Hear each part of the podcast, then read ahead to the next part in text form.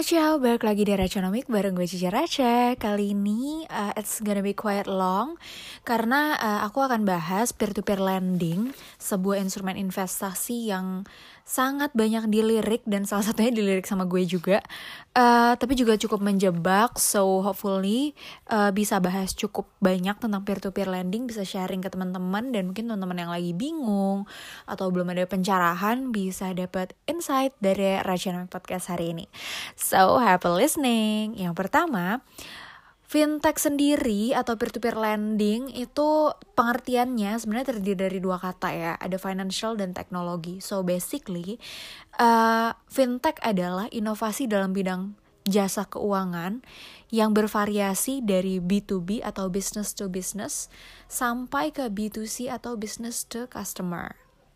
Maka dari itu, fintech ini penggolongannya ada lima, ada peer-to-peer lending yang paling sering didengar, ada crowdfunding, ada crowdfunding, ada risk and investment management, ada payment settlement and clearing, ada market aggregator. Dan semuanya ini sebenarnya ada perusahaan fintech ya teman-teman.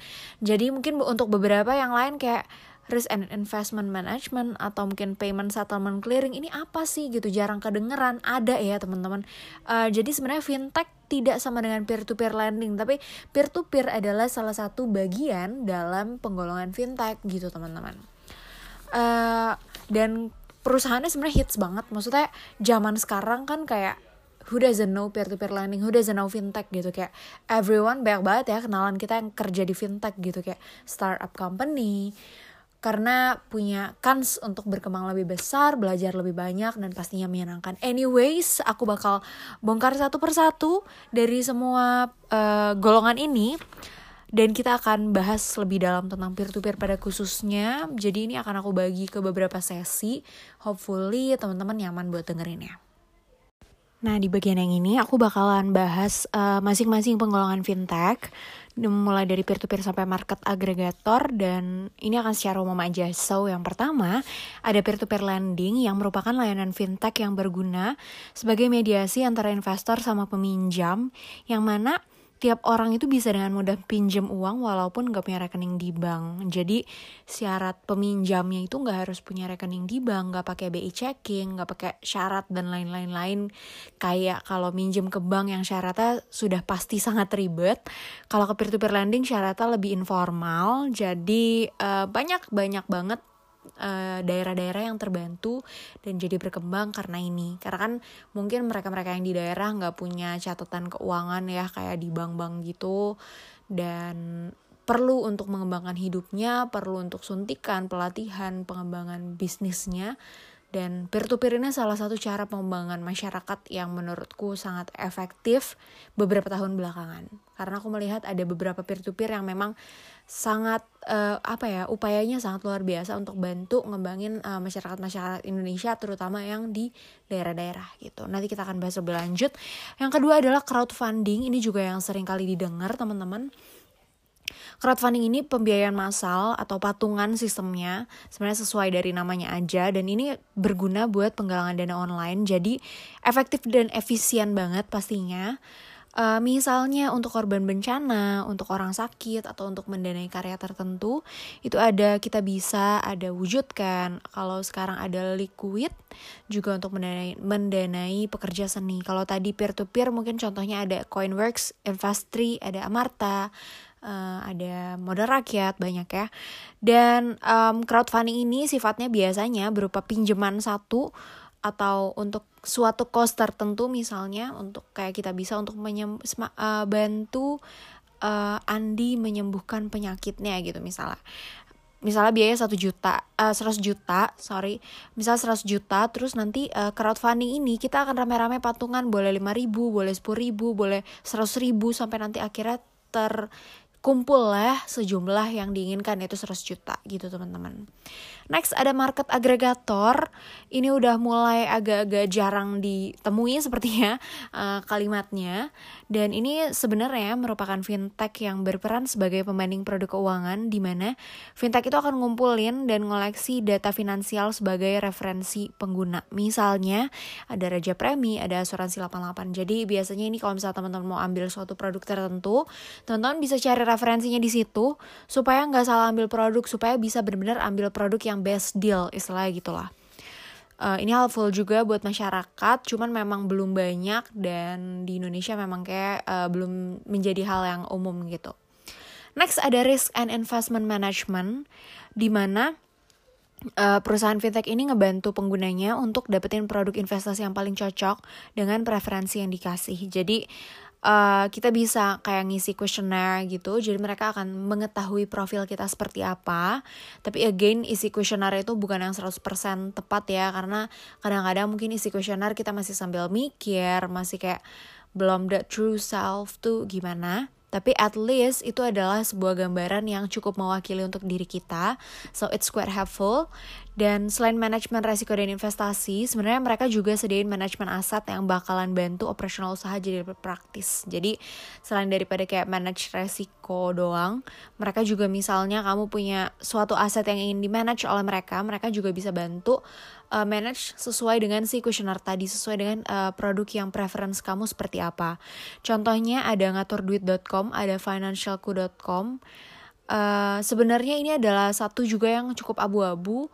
Kayak sekarang banyak reksadana yang robot jadi uh, dibuat investasinya itu otomatis dengan robot berdasarkan preferensi kamu. Nah, kamu akan isi kuesioner dulu sebelumnya, terus nanti mereka akan sesuaiin. Cuman again ini menurut aku nggak 100% akurat, jadi uh, cuman dijadikan sebagai opsi atau acuan aja uh, opsi aja uh, atau opini ya kamu bisa atur-atur sendiri lagi bisa disesuaikan lagi benar-benar pengennya yang kayak gimana.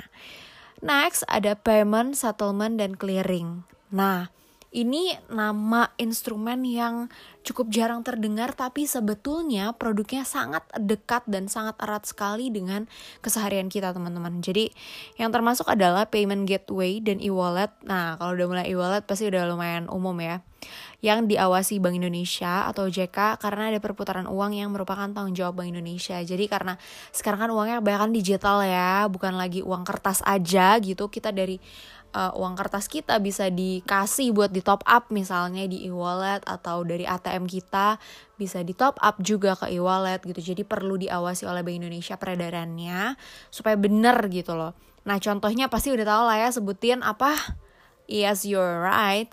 Ada Sakuku, ada OVO, Dana, Cashback, dan masih banyak lainnya. Jadi ini produk yang sangat-sangat erat dan kita jadi sebenarnya dari lima penggolongan itu kita udah sering temuin di kehidupan sehari-hari. Cuma mungkin kurang ngeh aja. Uh, dan berakhir di sini dulu karena next kita akan bahas lebih dalam tentang peer-to-peer lending di uh, bagian berikutnya. Lanjut, sekarang kita akan bahas lebih dalam tentang peer-to-peer lending. Nah, daripada ngajuin pinjaman ke lembaga resmi kayak bank atau koperasi, ini kan prosesnya lebih kompleks ya teman-teman. Jadi ini masyarakat punya alternatif nih sekarang buat minjem ke orang awam dengan sistem peer-to-peer lending. Jadi sebenarnya ini kayak online marketplace gitu. Misalnya, uh, Ibu Ani di Jogja pengen punya usaha tambak ikan. Tapi kalau buat minjem ke bank pasti kan harus punya BI checking minimal 3 bulan ke belakang, harus punya tabungan yang sekian dengan bunga sekian gitu ya. Jadi uh, agak kurang fleksibel tentunya untuk masyarakat yang uh, mungkin terutama di daerah ya menurut aku atau buat perusahaan-perusahaan startup yang emang masih merintis uh, kalau buat pinjaman yang cukup besar atau pembayaran invoice pasti kan agak ribet kalau harus ke bank jadi ini adalah sebuah alternatif. Jadi peer to peer itu nggak cuma buat yang di daerah tapi buat yang di kota juga applicable banget. Karena selama ini sih aku banyak melakukan transaksi dengan peer to peer dan perusahaannya itu uh, nggak cuma di daerah gitu. Ada di daerah banyak perorangan ada perusahaan juga tapi banyak juga perusahaan yang letaknya di kota gitu. Karena untuk pengembangan perusahaan yang mungkin mereka cari alternatif nih mana yang prosesnya lebih mudah Nah, ada beberapa karakteristik dari peer-to-peer lending, yaitu yang pertama adalah merupakan sarana lender dan borrower dalam praktek online. Jadi namanya juga financial technology, sudah pasti platformnya adalah online. kemudian borrower dapat dana dan lender dapat return pasti dong harus ada sesuatu yang didapat sebagai orang yang nyediain dana dan borrower udah dapat untung gitu kan karena mereka jadi bisa pinjam dana dengan lebih mudah. Next adalah bisa tanpa jaminan, tapi bukan berarti semua peer-to-peer tanpa jaminan ya guys. Apalagi sekarang di kondisi uh, pandemi itu semuanya diwajibkan dengan asuransi setauku. Dan kalaupun gak ada asuransinya ya itu akan jadi resiko kalian sih. Maksudnya sebagai lender pun pasti akan apa ya uh, sangat concern dengan insurance itu karena kita nggak tahu kita memang ada credit rating tapi kita nggak tahu anytime if things go south bakal seperti apa? Bisa jadi perusahaannya bangkrut bisa jadi dia gagal bayar. Kalau nggak ada insurance kita pasti rugi kan? Jadi ya jaminan atau asuransi ya. Jaminan ini bisa berupa agunan juga teman-teman. Jadi nggak melulu tentang asuransi. Karena asuransi kan pasti harus bayar premi ya. Kalau agunan biasanya dari perusahaan sih. Kalau minjem perusahaan mereka bisa kasih agunan berupa misalnya cek atau bilet giro. Next adalah bisa satu orang danain banyak dan bisa jadi satu peminjam didanain oleh banyak orang. Kalau satu orang yang danain banyak ya misalnya kamu pengen memilih banyak mitra itu bisa. Atau satu yang besar didanain oleh banyak orang juga bisa. Itu contohnya kayak uh, misalnya mau minjamnya nominal satu miliar Terus ya mau gak mau mungkin patungannya maksimal 100 juta per orang. Ada yang belinya cuma 1 juta, ada yang belinya 100 juta, ada yang belinya 10 juta, macem-macem. Sampai terkumpul lah si 100 juta itu. Pada intinya sebenarnya adanya peer-to-peer lending ini diharapkan untuk building dan growing uh, UMKM. Jadi sebenarnya untuk memajukan keuangan Indonesia, majuin ekonomi Indonesia, majuin usaha-usaha yang diadain oleh masyarakat supaya yang naik itu bukan cuma perusahaan besar dan bukan cuma MNC alias multinational company, bukan international company, tapi adalah uh, hopefully usaha-usaha lokal Indonesia yang nantinya bisa melejit. Mudah-mudahan bukan cuma go national tapi bisa juga go international dan go multinational, teman-teman. Pasti teman-teman juga pengen tahu sebenarnya apa sih positif negatifnya kita jadi peminjam jadi yang minjemin? Ya karena nggak menutup kemungkinan misalnya besok kita punya usaha dan kita butuh pinjem atau sekarang kita punya duit dan kita pengen pinjemin untuk dapat returnnya kan? Yang pertama sebagai peminjam dulu teman-teman uh, positifnya banyak ya. Jadi pasti seperti yang aku udah sebutin dari tadi adalah nggak sesulit pinjam ke bank terus bisa tanpa agunan dan bisa buat tujuan apa pun selama ada lendernya. Jadi kadang-kadang ada juga di peer-to-peer itu yang minjem untuk biaya renovasi rumah, untuk biaya sekolah. Uh, jadi nggak melulu untuk produktif ya teman-teman, tapi dilihat lagi memang secara kredit rating dan secara kemampuan untuk paybacknya gimana. Karena nggak mungkin dikasih kan kalau misalnya dia nggak bisa payback. Terus uh, kalau dia punya rating buruk, nggak seperti di bank atau di BI langsung blacklist, langsung DHN.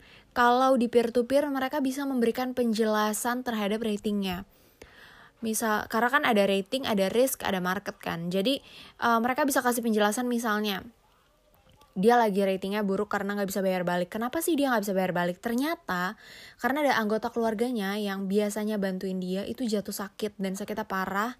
Dia harus ngurusin si keluarganya ini dan dia jadi nggak bisa buka usahanya. Nah, penjelasan inilah yang bisa jadi kembali lagi pertimbangan buat perusahaan, pertimbangan buat investor gitu teman-teman. Tapi ada negatifnya justru karena cara pinjamnya nggak sesulit ke bank, pastinya akan dikenakan bunga kredit yang lebih besar. Biasanya uh, lebih tinggi daripada dia minjam ke bank, pastilah ya. Ya anyways kan ada give and take. Terus ada juga kalau misalnya dia pembayarannya terlambat, biasanya interestnya semakin naik lagi. Ini yang sebenarnya apa ya dari segi investor sih sangat tidak prefer. Aku sebagai investor tidak prefer kalau ada yang telat bayar. Pertama, karena cash flow yang sudah aku play uh, planning yang udah aku petakan jadi nggak sesuai. Yang kedua aku jujur nggak tega sama si peminjam karena aku tahu kita sama-sama bertumbuh. Aku sebagai investor cari return tapi ya udah sebatas cari return bukan yang mau meres orang. Sedangkan dia yang butuh bertumbuh. Bisnisnya pasti kan juga berat membayar uh, interestnya. Karena aku sendiri merasakan sebagai uh, startup ya aku baru baru-baru bikin relaunch brand sebenarnya. Uh, jadi masih struggling banget dan aku berasa banget sih. Maksudnya aku aja yang pakai modal diriku sendiri masih sangat uh, cukup berat lah menjalani hari-hari di bisnisku. Jadi kalau inget-inget lagi teman-teman yang masih mulai ini kayaknya sangat nggak tega gitu rasanya. Tapi again rule is rule ya. Jadi peraturan ada untuk ditepati. Adanya peraturan bunga lebih tinggi ini supaya teman-teman justru lurus gitu ngikutin timeline. Nah kecuali kondisi lagi kayak sekarang lagi pandemi itu ada penyesuaian. Jadi ada uh, apa ya namanya pelunakan apa ya bahasa tepatnya uh, ada perenggangan lah di pembayaran kembali karena kita juga paham nggak semua perusahaan bisa bertahan. Bahkan banyak perusahaan yang sudah besar dan bahkan ekspansi dari negara lain ternyata harus tutup. Ada yang harus potong karyawan dan lain-lain. Juga uh, bedanya adalah semakin lama periode peminjaman semakin tinggi bunganya. Misal kamu pinjam yang setahun bunganya 12% kamu pinjam yang tiga tahun bunganya bisa 18% gitu. Dan pastinya uh, dari apa yang diajukan untuk dipinjam itu nominal yang di approve nggak selalu ini ya nggak selalu tepat gitu. Bisa jadi misal kamu mengajukan pinjam 5 juta mungkin yang di approve cuma 3 juta. Dan itu pun sudah dikurangi biaya ya karena pasti akan ada biaya untuk si perusahaan peer to peer sebagai penengah atau sebagai broker antara peminjam dan yang dipinjam. Gitu.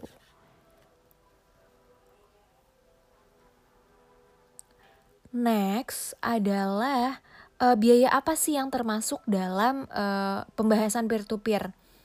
Ya ada biaya bunga pastinya, ada komisi partisipasi mungkin, ada juga biaya layanan platform, jadi peer-to-peernya pastikan perlu dapat untung untuk mereka menjalankan operasional. Terus ada biaya layanan teknis, itu berupa persentase. Biasanya ada premi asuransi supaya si pemberi pinjaman ini yakin bahwa pinjamannya aman Uh, tapi biasanya asuransi ini dibebankan ke peminjam sih eh sorry pemberi pinjaman. Jadi misalnya aku yang punya uang aku yang meminjemin ke Anto aku yang bayar asuransinya. Terus ada juga manajemen resiko ada juga biaya penalti kalau misalnya kenapa-napa dan pastinya ada bunga keterlambatan yang tadi udah disebut. Next oke okay, udah mulai pegel nih. Next adalah sebagai peminja pemberi pinjaman pasti juga ada positif negatifnya. Yang positif adalah uh, peer to peer adalah resmi diatur dan diawasi OJK teman-teman. Kalau teman-teman pengen tahu, boleh dibuka Google, terus diketik 77 garis miring POJK titik 01 garis miring 2016. Jadi OJK sudah membuat peraturan bahwa dia mengawasi dan mengatur uh, jalannya peer to peer di Indonesia.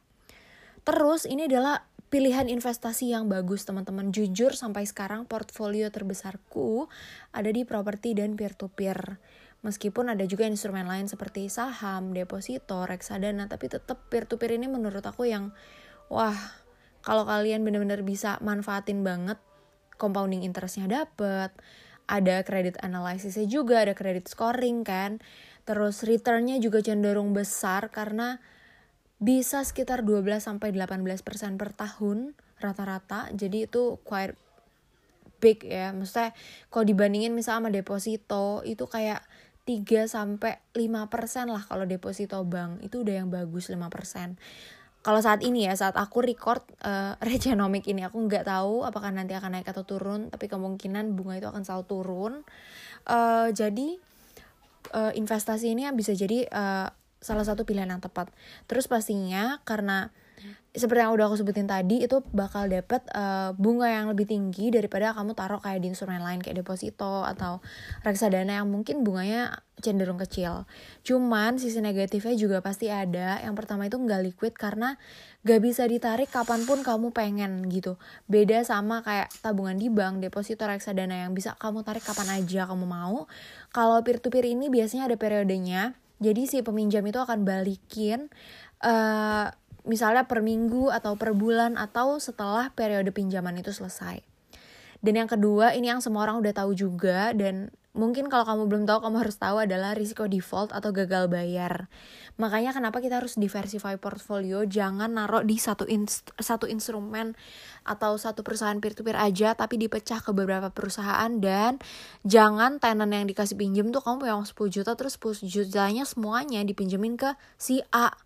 Bisa jadi kalau si A gagal bayar kamu rugi 10 juta tapi coba kamu pecah-pecah ke A B C D E. Mungkin yang A gagal bayar masih ada B C D E kan gitu Oke, jadi kupas tuntas peer-to-peer sampai di sini. Di next part aku bakal bahas peer-to-peer ilegal. Oke, cukup lumayan pegel dari tadi. Uh, ini bakal jadi part terakhir. Semoga teman-teman gak bosan dengerinnya. Dan masih nyaman untuk menyerap ilmu. Terakhir kita akan bahas peer-to-peer ilegal. Adalah hal yang uh, sering kali menjebak netizen alias masyarakat Indonesia karena semua online kan dan gak semua bisa aware bisa perhatiin uh, peer-to-peer atau instrumen investasi apa yang pengen ditaruh. Nah, sebenarnya ada beberapa ciri-ciri atau uh, beberapa hal negatif yang akan terjadi kalau misalnya teman-teman terkena peer-to-peer ilegal. Tapi first thing first, sebelum terjebak oleh peer-to-peer, aku saranin teman-teman untuk googling dulu, uh, cari tahu lebih dalam tentang instrumen yang teman-teman mau uh, invest jadi teman-teman yakin gitu kalau misalnya yang ditaruh itu ilegal atau legal. Biasanya kan udah ada invest uh, sharing-sharing dari orang ada review ada juga beberapa tempat tadi yang bisa bandingin instrumen apa yang bagus. Jadi banyak uh, banyak lah yang bisa dipakai. Terus bisa juga pakai data historis di mana aku biasanya prefer untuk invest di peer-to-peer yang sudah cenderung lebih lama berjalan dibandingin invest mungkin peer-to-peer yang baru-baru muncul walaupun tidak menutup kemungkinan ya karena ya perusahaan yang baru juga perlu diberi kesempatan gitu. Tapi biasanya uh, portfolio yang lebih besar akan aku taruh di uh, perusahaan yang sudah lebih lama. Nah biasanya kenapa sih bisa jadi bermasalah gitu? Nah, biasanya yang bikin bermasalah adalah data pribadi diambil dari HP peminjam karena HP-nya bisa jadi disita sama si ilegal ini. Terus tagihan dilaksanakan ke seluruh kontak peminjam. Terus tagihan berupa kasar, jadi bisa dimaki, bisa diancam. Terus bunganya nggak terbatas ya. Kalau yang tadi aku bilang sebagai peminjam itu di peer to peer kalau kita telat dikasih bunga lebih besar tapi kalau ini benar-benar nggak terbatas guys jadi benar-benar bisa kayak berkali-kali lipat yang kayak nggak ngotak gitu kayak wah sinting sih Terus ada juga penagihan yang gak kenal waktu Kayak pagi, siang, malam lu diterorin terus, diteleponin terus, crazy. Terus kontak si pinjaman online ini gak selalu available. Jadi bisa jadi dia cuma available-nya di momen-momen tertentu Kayak gak tiap hari online Gak tiap hari bisa dihubungin, kadang-kadang teleponnya gak aktif gitu. Dan alamat kantornya gak jelas. Ini yang udah paling paling paling ngegambarin kalau dia tuh peer to peer yang gak jelas karena alamatnya aja nggak ada. Hey kayak itu kantor apa bukan? Karena kalau peer to peer kan udah diawasin sama OJK udah pasti dia harus punya alamat domisili yang tepat yaitu SKD surat keterangan domisili ini sah secara hukum. Gitu teman-teman. Kenapa aku bisa tahu? Karena sebenarnya dulu ada uh, salah satu karyawan di kantorku yang terjebak dengan hal ini. Jadi kantorku juga jadi salah satu tempat yang diteror sama dia. Dan bahkan ada yang telepon ke HP pribadi uh, temanku karyawan di kantor itu. Uh, karena si Mas ya ini punya nomor HP temanku. Jadi bener-bener kontak yang ada di HP itu jadi pas ditanya sebenarnya kita udah bingung banget karena kok ada orang telepon ngamuk-ngamuk marah-marah nanyain si masnya itu. Terus kita bilang gak ada di ruangan dia bilang kita bohong marah-marah. Terus kayak apaan sih lo? gitu. Gak jelas banget lo telepon marah-marah bukan nasabah gue lagi ya kan? Kayak lo sokap gitu. Customer bukan tapi lo marah-marah. Ternyata setelah kita tanya sama masnya masnya baru tuh cerita kayak dia terpaksa ngelakuin pinjaman online karena lagi kepepet banget rumahnya habis kebakaran dan gak punya dana darurat. Itu makanya gue bilang penting banget buat punya dana darurat. Terus kayak uh, bingung mau minjem duit ke siapa ke orang-orang juga nggak enak akhirnya carilah si pinjaman online yang nemu di handphone. Nah ini salahnya sih teman-teman. Jadi nggak dicek dulu juga tapi namanya orang kepepet ya nggak ada yang tahu dan handphonenya ternyata diambil karena dia nggak bisa bayar. Ya kayak kebayang lah dia minjem duit berapa dibanding sama gaji bulanannya berapa. Terus nggak bisa bayar HP disita. Nah dari HP itulah kontaknya diteleponin semua. Sampai ke tetangganya sampai ke kantor sampai ke orang-orang di dalam kantor. Jadi ya dan kasar banget dan gak kenal waktu. Jadi kayak baru ditelepon baru ditutup terus dia telepon lagi. Akhirnya yang waktu itu gue lakuin adalah teleponnya gue angkat gue langsung gue matiin lagi. Karena kesel banget. Maksudnya kayak lu ganggu gue lagi kerja terus lu nggak jelas telepon telepon gitu. Terus akhirnya kayak gue bilang kalau lu punya masalah selesain sama orang ya. Jangan selesain sama orang lain. Kayak urusan lo sama dia bukan sama gue dan semua teman-teman gue ngelakuin itu sampai tuh orang bohwat banget. Udah akhirnya nggak telepon lagi sih. Uh, dan akhirnya uh, di kantor rame-rame uh, patungan gitu buat bantuin masnya Uh, tapi masnya tetap bayar balik, cuman uh, nggak uh, kena bunga aja. Maksudnya kita bantu supaya dia nggak kena bayar bunga lagi ke si pinjaman ilegal ini. Kasihan juga kan kayak karena kalau pinjaman ilegal ini sebenarnya dari apa yang lo bayar itu kayak jauh lebih besar proporsi bunga dibandingin pokoknya guys jadi makanya jangan sampai banget nih lu kejebak ke situ kayak sebutu-butu ya duit lu usahain kayak dari yang lain lah gitu nah biar nggak kejebak teman-teman nih gue kasih ciri-ciri apa sih yang uh, bisa mengarah ke peer to peer ilegal bukan ngajakin suzon ya tapi kayak ya being critical is not bad kan kayak lu jadi kritis ya bagus-bagus aja gitu biar lo lebih paham dan lebih aware yang pertama adalah akses semua data dan rekam jejak digital peminjam. Terus yang kedua, tagihannya intimidatif kayak yang aku udah bilang. Yang ketiga, nggak ada customer service, nggak ada layanan pengaduan. Ini aneh banget karena jujur online shop kecil aja pasti punya customer service guys. Jadi nggak mungkin kalau peer to peer nggak punya customer service.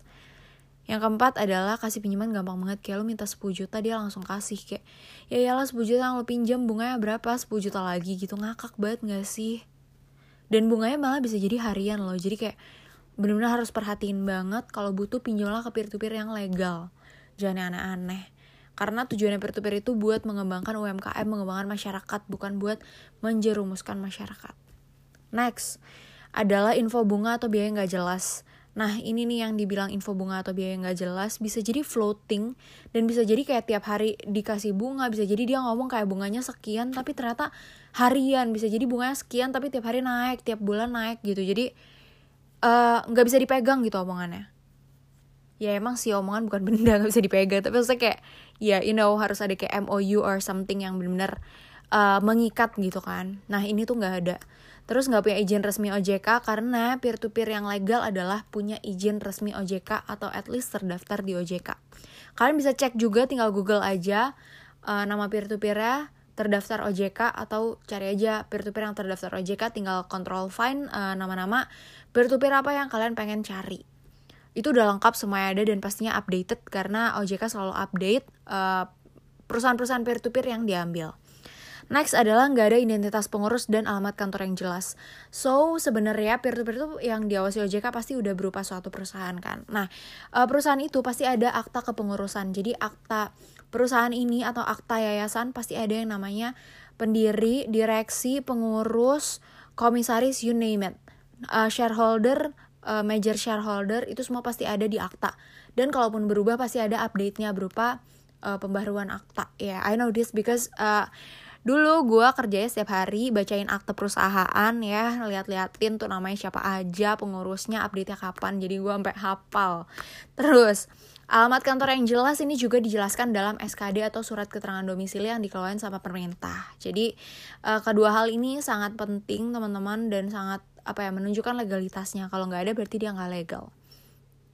Next adalah total pengembalian termasuk denda nggak terbatas karena tadi uh, info bunga atau biayanya nggak jelas. Jadi mau pinjamanmu 5 juta dan bunganya udah 10 juta ya terserah. Pokoknya lo harus bayar. Mau bunga lo udah 100% 200% terserah. Nggak peduli. Nah ini jahat sih guys. Makanya jangan sampai lo kena modusnya. Next adalah penagihan gak ada batas waktu, jadi mau defaultnya sekarang ditagihnya tahun depan, pokoknya sampai lo bisa bayar aja. Hitung aja tuh bunga udah setahun berapa lo tambah ya. Jadi teman-teman, uh, ini aku udah sum up the content. Uh, bunganya berapa aja, dari mulai dari yang paling kecil sampai paling gede, ada KTA yang bunganya tuh sekitar 0,68 sampai 2,99% monthly, ini flat bulanan uh, tapi biasanya nominalnya cenderung kecil. Next ada peer-to-peer legal, ini biasanya 0,6 sampai 2,1 persen per bulan. Beda-beda tergantung besarnya pinjaman dan perusahaan. Next ada gestun alias ini bahasa jadul banget alias gesek tunai.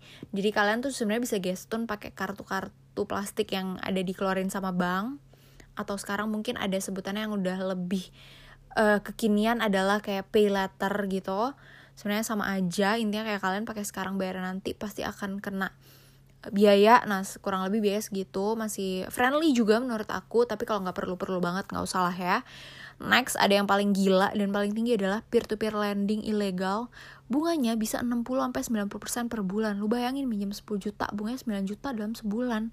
Ngepet ke mana lu nyari segitu banyak ya kan? Jadi semoga uh, rencana hari ini insightful teman-teman dapat insight tentang peer to peer dan bisa bedain mana yang legal dan tidak legal. Dan uh, ya mungkin next aku bakal bahas satu persatu perusahaan mana yang worth buat diinvest dan aku udah cobain. Thank you so much for listening to this Retronomic podcast. I'll see you guys on another episode. Bye